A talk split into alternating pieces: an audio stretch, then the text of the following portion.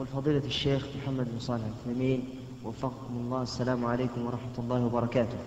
وبعد وعليكم السلام. سمعنا في برنامج الفتاوى الذي يذاع بالراديو أصوات نساء يسأل ولكنها المرة الأولى التي يظهر فيها صوت المرأة عبر إذاعة القرآن الكريم. ونعلم أن سماحتكم من الحريصين والحمد لله على الخير فبودنا لو وضحتم لنا ولمن قد قد يلتبس عليه الأمر في ذلك. هل صوت المرأة عورة؟ وما حكم إذاعته بعد تسجيله؟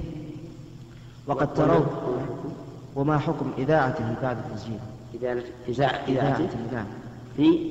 بعد تسجيله. إيه بعد. تسجيله. إيه نعم.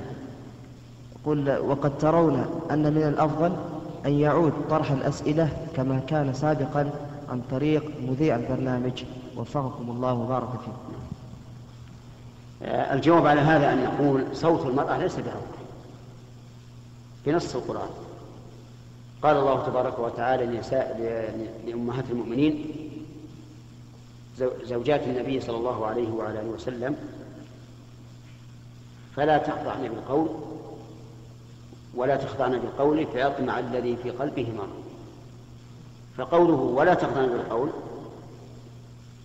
فلا تخضعن بالقول صواب الآية فلا تخضعن بالقول.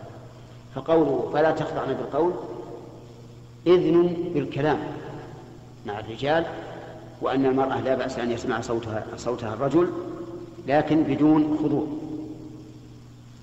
وكذلك كانت النساء في عهد النبي صلى الله عليه وعلى آله وسلم تأتي إلى الرسول عليه الصلاة والسلام في مجلسه تأتي المرأة إلى الرسول صلى الله عليه وسلم في مجلسه وتسأله والرجال حاضرون. فلا بأس أن يسمع الرجل صوت المرأة لكن يبقى عاد هل الذين يستمعون إلى صوت المرأة يتمتعون بهذا الصوت أو يتلذذون به؟ يكون المسؤول هو الرجل الذي يتمتع بأصوات النساء أو يتلذذ به. أما صوت المرأة من حيث هو فليس فيه شيء إطلاقا.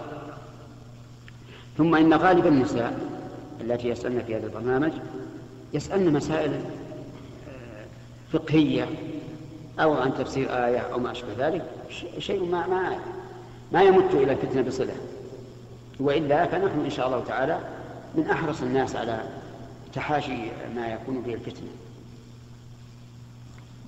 وش السؤال؟ بقية السؤال. لا هو كما كان سابقا ما أعرف أنه, أنه كان سابقا.